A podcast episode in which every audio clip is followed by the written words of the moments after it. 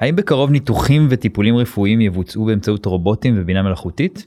אחד היישומים המעניינים והחשובים ביותר של בינה מלאכותית הוא בתחום הבריאות, בו להתבססות על דאטה יש חשיבות מכרעת ביכולת להציל חיים. אנחנו הולכים לדבר על הנושא הזה, תכף מתחילים. הייטק בפקקים, מבית Start-Up Nation Central. הייטק בפקקים מבית Start-Up Nation Central אנחנו שוב איתכם כרגיל מדברים על יזמות סטארט-אפים טכנולוגיה והעתיד אני הדר חי ואיתי באולפן נמצא היום אורי טולדנו אהלן אורי. מה העניינים? מה קורה? תשמע, אני תוך כדי מבין כמה שאני סומך על מכונות בזה שאני אומר כן הייתי רוצה שהרבה מה... מהניתוח שלי יתבצע על ידי רובוט ולא על ידי בן אדם. זה בדיוק השאלה שבאתי לשאול אותך. מה זה אומר עליי שאני יותר סומך על מכונות? שאתה, כבר הגעת. למצב שבו אתה, סומך על טכנולוגיה יותר מאשר על בני אדם שבאמת זה, זה מצב אה, נכון בעיניי. בינתיים כל דבר שהכנסתי בו אוטומציה ו... זה יותר מדויק ממני ועושה עבודה טובה יותר ואני אומר אנחנו אוקיי, עם כל הפאקים כאן. שלנו ה- אתה יודע כל הדברים אה, בהיסטוריה ההתפתחותית שלנו כל מה שדפוק היה בני אדם. כן אז אתה יודע אז פה אתה כאילו מנקה את זה וכן אז uh, לגמרי יכול להיות שזה זה העתיד שלנו ונמצא איתנו כדי לדבר על זה גדי מנחם מנכ"ל אינטואיטיב ישראל uh, שמפתחת מערכות לניתוחים רובוטיים אהלן גדי. אהלן, בוקר טוב. בוקר טוב ספר לנו קצת על אינטואיטיב ומה היא עושה. אינטואיטיב אה, מפתחת מערכות אה, רובוטיות לביצוע ניתוחים. היא חלוצה מהתחום הזה מתחילת שנות ה-90, והיא אה, מובילה, מובילה עולמית בתחום של ניתוחים רובוטיים. המוצר המרכזי זה נקרא, נקרא הרובוט הדה וינצ'י, שנמצא היום ב-70 מדינות, ב-8,000 חדרי ניתוח, בישראל נמצא היום ברוב בתי החולים המרכזיים וגם בפריפריה, והם מבצעים בעזרתו הרבה מאוד סוגים של ניתוחים. אנחנו uh, ניתן קצת רקע על העולם הזה של הניתוחים, ניתוחים שאנחנו קוראים להם אה, רקמה רכה, soft tissue, uh, החל מהאורולוגיה, גינקולוגיה, כל מה שקורה בתוך הבטן, מעיים. כבד. תן לנו ניתוחים כדוגמה שכבר מתבצעים על ידי רובוטים. אז, אז בדיוק אלה. אבל כאילו הרמונית, פרוסט, פרוסטטה, כן. אה, אה, הרבה מאוד סרטן בתוך הבטן, מעיים, אה, דברים כאלה. אה, זה, זה נקרא ניתוחים soft tissue, זאת אומרת רקמה רכה. אני אסביר רגע בעצם אולי האב- האבולוציה של הניתוחים האלה. אה, בעבר, השיטה המסורתית היא בעצם לקחת את המטופל, להשכיב אותו, להרדים אותו, לפתוח לו את הבטן אה, ולעבוד בתוך הבטן עם... אה, ישירות על, ה, על הבעיה, לתקן את הבעיה, אם זה להוציא רקמה סרטנית או לתקן בעיה פנימית. אה, איפשהו בשנות ה-80 הומצאה השיטה הזעיר פולשנית, מינימל אינבייסיב. מה זה בעצם? במקום לפתוח את המטופל, עושים אה, מספר חורים אה, בגוף, חורים קטנטנים, ודרכם משחילים בחור אחד מצלמה עם סיב אופטי, אה, ובשני חורים נוספים או יותר מכניסים כלי עבודה, כלי ניתוח. שבעצם המנתח עומד ליד המטופל, מחזיק את הכלים האלה אה, מחוץ לגוף של המטופל, ומסתכל על המסך עם הסיב האופטי, ורואה מה קורה בתוך הגוף, ואז הוא מזיז את הכלים. זה כבר קורה. זה כבר קורה, זה נקרא, נקרא ניתוחים אה, לפרוסקופיים, כן. אה, והיתרון הגדול שלהם זה שהמנותח, המטופל, אה, חווה חוויה יחסית חיובית בסוף הפרוצדורה, כלומר ההתאוששות מאוד קלה בגלל הפתחים הזעירים. אה, והשחרור הוא כמעט אה, אה, לאחר יום או יומיים. אז זה מהותי כי אנשים שם חוטפים זיהומים ובכלל אין לנו יותר מדי מיטות פנויות אז כמה שאנחנו משחררים את הבן אדם הביתה מהר יותר טוב יותר. לכל המערכת. נכון, חוסכים כסף, אה, והמטופל אה, כמובן מרגיש יותר טוב. החיסרון הגדול בד- בדבר הזה, זה שצריך מיומנות מאוד גבוהה מהצד של המנתח, כדי להביא תוצאות טובות. יש גרף לימוד יחסית שטוח, צריך הרבה מאוד שעות אה, עם לפרוסקופיה. הטכנולוגיה בעצם. כן, אה, וזה קשה, זה קשה, צריך ידיים מאוד עדינות, הכל זז, הכל, תחשבו על ניהוג עם, מוט ארוך כזה, שחלקו נמצא מחוץ לגוף, ואתה מזיז כל מיני ידיות, או מין כמו המספריים של אדוארד כאלה. אוקיי? מין אה, שלט רחוק אה, כן. מכני. גם, ב, גם ב, לפני הטכנולוגיה גם אה, בטח עדינות היה חלק חשוב מה, מהמשחק נכון? בעצם נכון. ברגע שאתה מנתח אתה צריך להיות מאוד מאוד יציב עם, ה, עם הידיים. נכון, ולפרוסקופיה זה בא לידי ביטוי אפילו יותר, וצריך להיות באמת בעל מוטוריקה עדינה מאוד טובה על מנת להביא תוצאות טובות. ובאה אינטואיטיב ואמרה, אני רוצה לפתור את הבעיה הזו של, ה, של המנתח, והחליטה לשים בין המנתח לבין המטופל מחשב, אוקיי? ומה המחשב הזה עושה? הוא בעצם מאפשר למנתח לעבוד על קונסולה אה, נפרדת, ממש לא, לא ממש על המטופל, אלא בצד, בפינת החדר. כבר לא הג'ויסטיק הזה, כן. בדיוק שני ג'ויסטיקים, כן. להסתכל על אה, קונסולה תלת מימד, על מין מסך תלת מימד כזה, וכל מה שהוא מזיז עם הג'ויסטיקים, מערכת רובוטית שמופעלת על ידי המחשב הזה, בעצם שמחזיקה את הכלים, מבצעת את הפעולה. מהמם. אוקיי? וזה בעצם היתרון הגדול, שהדיוק והיכולת שליטה של המנתח הרבה יותר קלה. עד אה, כמה זה מייתר בעצם מיומנו- מיומנויות אחרות שפעם היו נורא חשובות למנתחים כמו באמת מוטוריקה עדינה יכולת אה, לעבוד עם הידיים. אז זה לא, זה לא מייתר, אבל זה מאפשר לאנשים עם מוטוריקה קצת פחות טובה מאשר המנתחים הכי טובים, המוטוריקה הכי טובה, להביא תוצאות טובות כמוהן. מהמם. ועם פחות ניסיון ועם פחות uh, יכולת uh, uh, באמת uh, מוטורית, uh, כמו שאנחנו רואים, ידיים טובות. כי אחד, אחד הדברים שבאמת מעניינים אותי אתה יודע, בכניסה של טכנולוגיות לתחומים זה הנושא של מיומנות. זאת אומרת, יש מיומנות שאנשים פיתחו במשך הרבה זמן הם נהיו ממש טובים בזה ואז פתאום זה נהיה פחות רלוונטי לא יודע שהמציאו את, אה, את ה-GPS אז פתאום כל מי שהיה נווט אה, תותח פתאום קצת פחות אה, כן. פחות רלוונטי הקטע הזה פחות מוערך אולי בשוק ואני מנסה להבין כזה גם ב- בעולמות שלכם איזה מיומנויות פתאום נהיות פחות משמעותיות. זה לגמרי, זה, זה כל מה שקשור לקואורדינציית אה, עין יד הזו, המפורסמת, שבאמת כדי להיות מנתח, פעם, כדי כן להיות מנתח זה טוב, בדיוק השם זה- של בדיוק ניתוח טוב. כן, אה, אז היום ה- היכולת הזו היא כמובן מאוד חשובה, אבל אתה לא צריך להיות ברבעון העליון של המנתחים כדי להביא את התוצאות הכי טובות, מהמם. אתה יכול להיות גם בשלושת רבעי, כן, אפילו מתחת לממוצע כדי להביא תוצאות טובות, ומתחת לממוצע אצל רופאים זה נקודה רגישה, כמו שאתה יודע. אז אה, בעצם אנחנו היום נמצאים במצב בו הרובוטים הם אה, כלי בידי המנתח אה, ש, שמבצעים את, ה, את הניתוחים מה בעצם העליית מדרגה או השלב הבא של הכניסה של הטכנולוגיות לעולמות האלה. אז באמת, היום, כשמסתכלים על המערכות הרובוטיות, הם, הם סוג של שלט רחוק אה, אה, מתוחכם, כן. אבל הן לא באמת יודעות מה הן מנתחות. זאת אומרת, אה, מי שיודע זה עדיין הרופא. כן. ולאט לאט אנחנו מכניסים את הכלים שידעו ידעו לתת לרובוט את המידע, אה, מה קורה, זאת אומרת, להבין מה קורה בניתוח. תס, תסביר, מה זאת אומרת? זאת אומרת, אוקיי. נגיד זה העורק הראשי, אל תפגע בו. אז זה באמת ה- ה- החלק היותר מתקדם, אבל יש דברים גם הרבה יותר אה, פשוטים. אפשר להגביל את זה באמת לסוג של אה, מכונית אוטונומית. נכון? במכונית אוטונומית התחלנו עם אה, השיטה המכנית לסובב את ההגה, ולאט לאט התקדמנו, הכנסנו נכון. כלים מובילאיי כזה Mhm. שצפצף לך, ואחרי זה כלים, אה, כלי בטיחות כאלה. אסיסטי כן. ורמות 0 עד 5 של כן. אה, מובילאיי ועד אוטונומיה מוחלטת. ואז אה, או שבדרך כן. לוקח לך פיקוד, לוחץ על הדוושה ואתה, ובולם לך, כן. ואתה קורא אס.אם.אסים. כן, אז איפשהו לא באת... ממליצים. כן. תשמעו פודקאסטים. כן. אז אה, אפשר להגביל את זה פחות או יותר לשם, המרחק להגיע לניתוח אוטונומי הוא מרחק הרבה יותר גדול, אבל לאט לאט אנחנו מכניסים כלים שהם אה, תומכי החלטה, בהתחלה עושים את זה לא ב real time, זאת אומרת לא אה, מכניסים את ה... באמת אותו תמרור עצור ואומרים לך אל תחתוך פה, תחתוך שם, אלא אומרים לך בדיעבד תשים לב, הנה מה שעשית, הנה הפרוצדורה.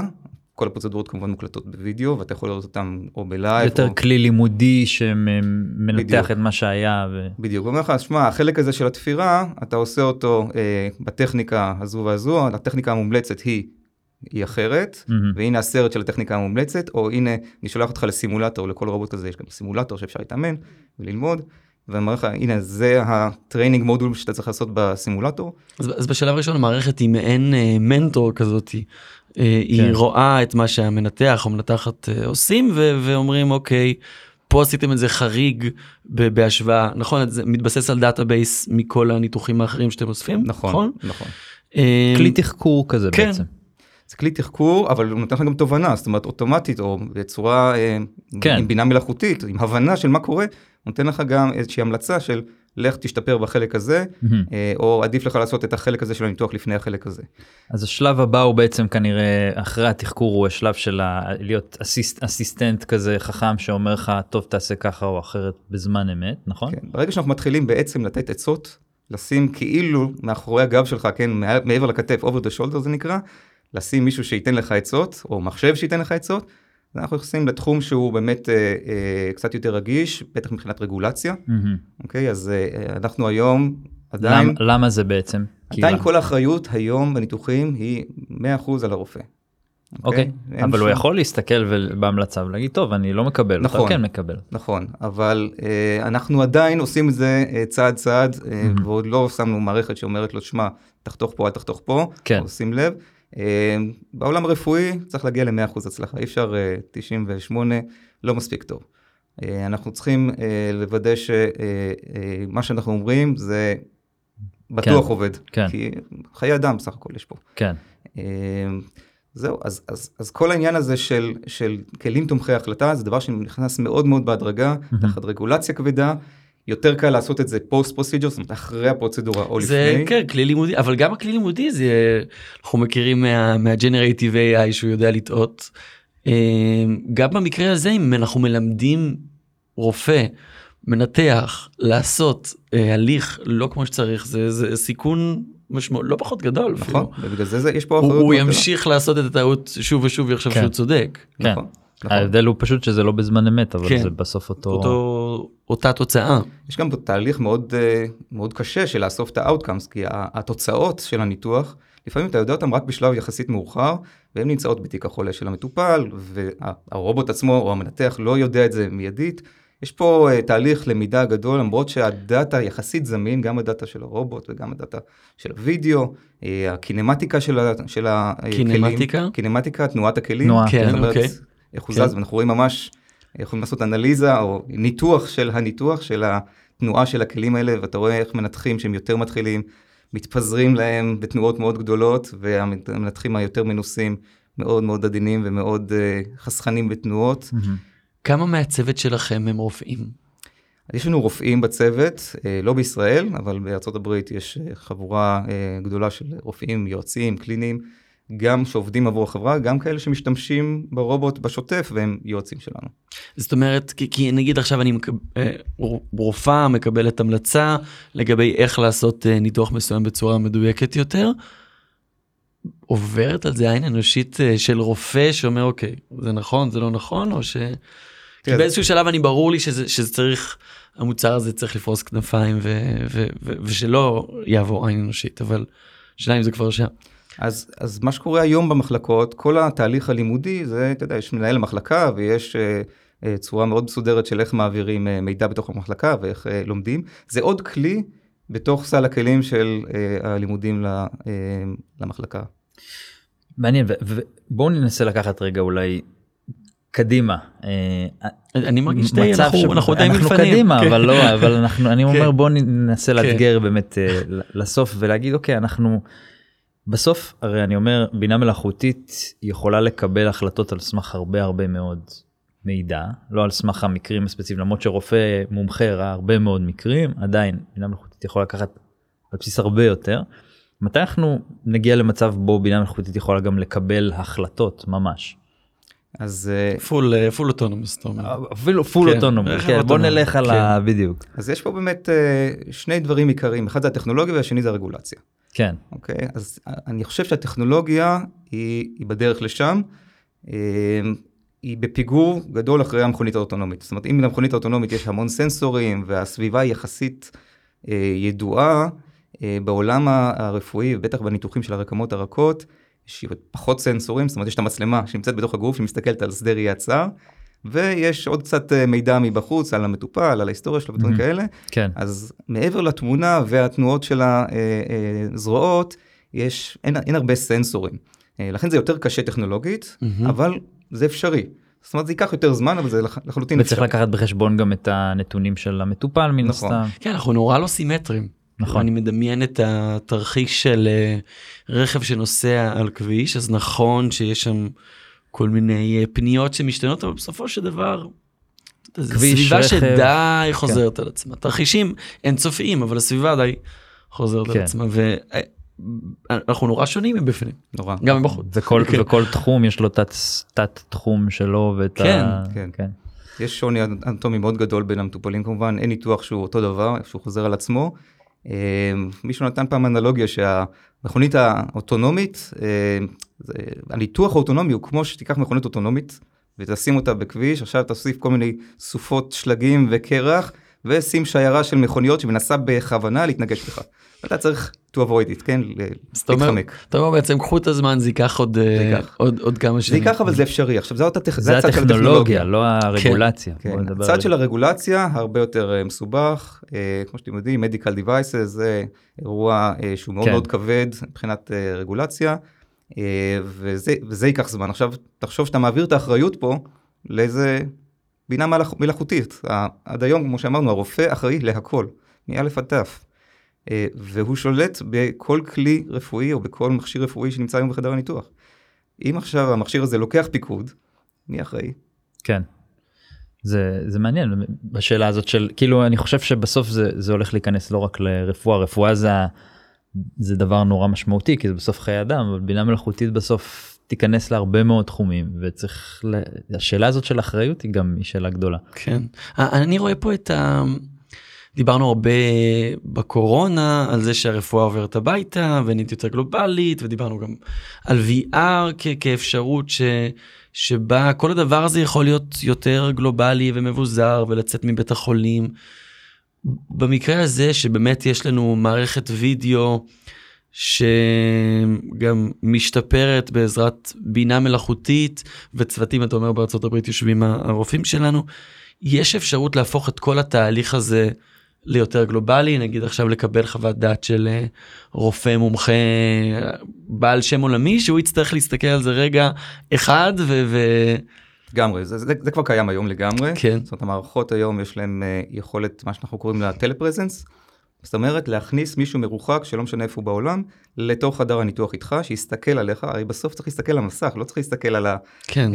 לפתוח את הבן אדם, את המטופל ולהסתכל בפנים, צריך להסתכל על המסך, לראות קצת את החדר, אבל uh, המערכת הזאת לגמרי קיימת והיא בשימוש, ומשתמשים בה הרבה מאוד ל...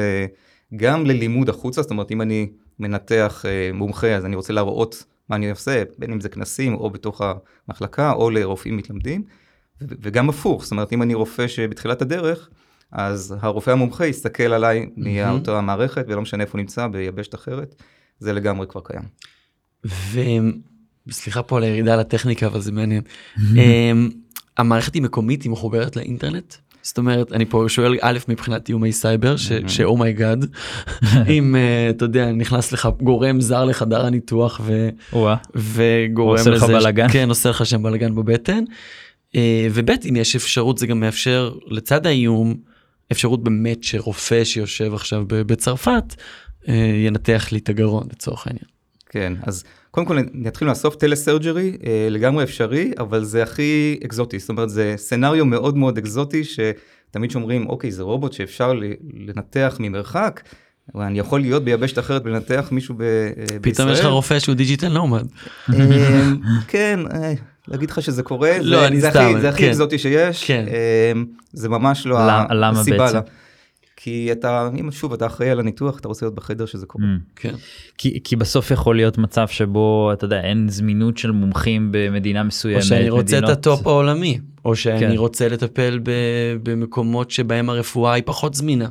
כן. כן, אה, עדיין אתה צריך מערכת, בצד של הרפואה היא פחות זמינה, אתה צריך את המערכת שתהיה כן, שם, כן. וזה קשה. אז מחובר שם. ל... זה מחובר לרשת? אז ככה, אז קודם כל המערכת היא stand alone, זאת אומרת היא עצמאית, אה, ואי אפשר לשלוט בה מרחוק. אוקיי? כן. כל החתיכות, הקונסולה הזאת עם הג'ויסטיקים והרובוט עצמו, אה, מדברים אחד עם השני עם, עם חוט, עם, עם כבל, שאנחנו אה, אה, לא מאפשרים לשום דבר להיכנס ביניהם. שאגב, זה, זה, בוא שנייה רגע נדמיין איך זה נראה, כי, Mm-hmm. כי נגיד שוכב שם מטופל, מהמם. והמכשיר הזה מעליו, ויש לי את הרופא בצד שמתעסק עם הג'ויסטיק שלו, וזה כבר לא הדבר עצמו שהוא מזיז ממש. אז איך זה נראה? זה נראה כמו, קצת קשה, אה, חבל שלי תמונה, אבל כן. זה זרועות רובוטיות גדולות שמחזיקות את הכלים הניתוחיים, אז זאת אומרת מתוך המטופל, אתה רואה את המטופל שוכב, יש לו כמה חורים קטנים בגוף, בבטן נניח, והכלים האלה שהרובוט מחזיק נכנסים לתוך הגוף, ואתה לא רואה מה קורה בפנים. אם אתה רוצה לראות מה קורה בפנים, אתה מסתכל על המסך, Mm. ואז אתה רואה את פנים הבטן שלו. מהמם. אה, ככה זה נראה מבחוץ, וכשהרופא מזיז בקונסולה את הג'ויסטיקים, הרובוט מזיז, יכול להיות שבעדינות רבה, ויכול להיות שלפעמים בתנועה קצת יותר גדולה, את או קצוות הכלים או את הזרועות, כדי אה, בעצם לתרגם את התנועות של הידיים של המנתח למלקחיים או לכלים. מה המשמעות של מומחיות ככל שהטכנולוגיה תהיה יותר אה, בשלה אה, ומתקדמת? זאת אומרת, האם אה, תהיה, מש... תהיה ירידה למשמעות של כמה בן אדם מומחה בגלל שעכשיו יש יותר דאטה, בגלל שהתנועה תהיה יותר מוכוונת למה שצריכה להיות? אני לא חושב שהבן אדם יהיה פחות מומחה, אבל יהיו דברים שהוא יעשה הרבה יותר בקלות, ויהיה לו קשב להתעסק בדברים שהם חשובים. Mm-hmm. אני חושב שלמשל כל הנושא של אינטראקציה בין אישית עם המטופל ועם המשפחה, אה, שהיום, וואלה, אין זמן לעשות את זה זמן, לפעמים. כן. אה, בטח, אתם יודעים, רופאים הם שונאים את התיקי חולה האלקטרונים, כי הם צריכים כל היום להקליד, ו- ו- וזה דורש המון המון זמן. כל האוטומציה של נושא של יצירת אה, אה, דוח, למשל דוח מטופל, דיברת על אותו Generative AI, למה שהדוח מטופל לא יצא אוטומטית בכלל? כן. נכון, דוח ניתוח, אם המערכת מבינה מה, מה קרה לגמרי, בניתוח, זה נשמע טריוויאלי אפילו. למה הוא צריך לכתוב את זה? כן. אוקיי. Uh, אני חושב שכל התהליכים האוטומטיים שאנחנו מנסים לעשות, זה בסוף זה בשביל לחסוך זמן ל- לרופא. פתאום אני מבין כמה שהעולם הזה באמת בגלל רגולציה, יש בו המון חוסר יעילות. אבל זה יגיע. כן, זה חייב להגיע כי יש מחסור ברופאים, לא רק בישראל אלא בכל העולם. נכון. אמ, וכל דקה שהורדתי מהרופא היא נס, אז, אז כן, ברגע שיש ביקוש ויש ביקוש אדיר, אז זאת אומרת זה- כרגע באמת המיקוד הוא יותר על אה, לפנות זמן למומחים, לפנות זמן לרופא שיוכל להתעסק ב... לפנות זמן, אה, להכשיר אותו יותר טוב, זאת אומרת לתת לו כלים כדי שיוכל להשתפר. אה, אנחנו לא נפטרים מהמיומנויות שלו, אנחנו רוצים לשפר לו את המיומנויות כל הזמן, ולהביא יותר רופאים שה, שמביאים היום תוצאות עם שונות מאוד מאוד גדולה בניתוחים, זאת אומרת רופא א' ורופא ב' ינתחו, אה, גם אם זה את אותו מטופל, הם יביאו תוצאות שונות. ואנחנו רוצים למזער את השונות הזו ו- ולנסות להביא איזושהי קונסיסט, קונסיסטנטיות, איזושהי אה, אה, אחידות בתוצאות של הניתוחים, בעזרת הכלים האוטומטיים או הסמי אוטומטיים שאנחנו מספקים. יש לי שאלה לגבי השימוש שלכם, הרי אתם משתמשים בבינה מלאכותית בשביל להבין מתוך התמונה מה, מה זה יכול דבר, נכון? אמ, אתם פיתחתם את המנוע הזה שמזהה בעצמכם, או שאתם משתמשים בחברות חיצוניות של, של Computer Vision בשביל להבין את התמונה? לא, אנחנו מפתחים את הכל in-house. כן. יש לנו צוותים שגם בתחום ה- Computer Vision, גם בתחום האלגוריתמיקה, אה, בתחום של אה, סימולציה צריך הרבה מאוד הבנה ב- 3D, אה, ויש לנו ממש חבורה של גיימרים שכשהם לא משחקים אז הם מפתחים את המודולים של הסימולטור כדי שניתן לרופא את חוויית הגיימינג ונלמד אותו את המיומנויות כדי איך לנתח יותר טוב. מרתק. לגמרי. דברים לסיום אורי. אני, תשמע, אני אשמח שהרובוט המנתח אה, ינתח אותי ולא יהיה תלוי תהיה בהאם הראשון בחזית הרופא שלו. שתה קפה או לא שתה קפה, אכל ארוחה גדולה, לא אוכל. אתה יודע שיש אה, מסתכלים באמת על מחקרים אה, שבאמת הנושאים האלה משפיעים. בוודאי. מצב רוח. לא רוצה שזה יהיה על גופתי המתה. כן. גדי מנחם מנכ"ל אינטואיטיב ישראל תודה רבה שהיית איתנו. תודה לכם. תודה לך אורי תודה לך הדר חי, שהיית איתי. למאזינים שלנו. תודה למאזינים שלנו, תודה לכלכליסט וסטארט-אפ ניישן סנטרל על שיתוף הפעולה. אה, אנחנו עולים אה, כרגיל בפייסבוק live של איצטדיון הסטארט-אפ וסטארט-אפ ניישן סנטרל וכפודקאסט בכל אפליקציות הפודקאסטים. עקבו אחרינו. תודה לטובה שמענוב, נירית כהן, לינור גריסריו ורותם שם טוב על ההפקה של הפרק היום. אני הדר חי, אנחנו נתראה בפרק הבא.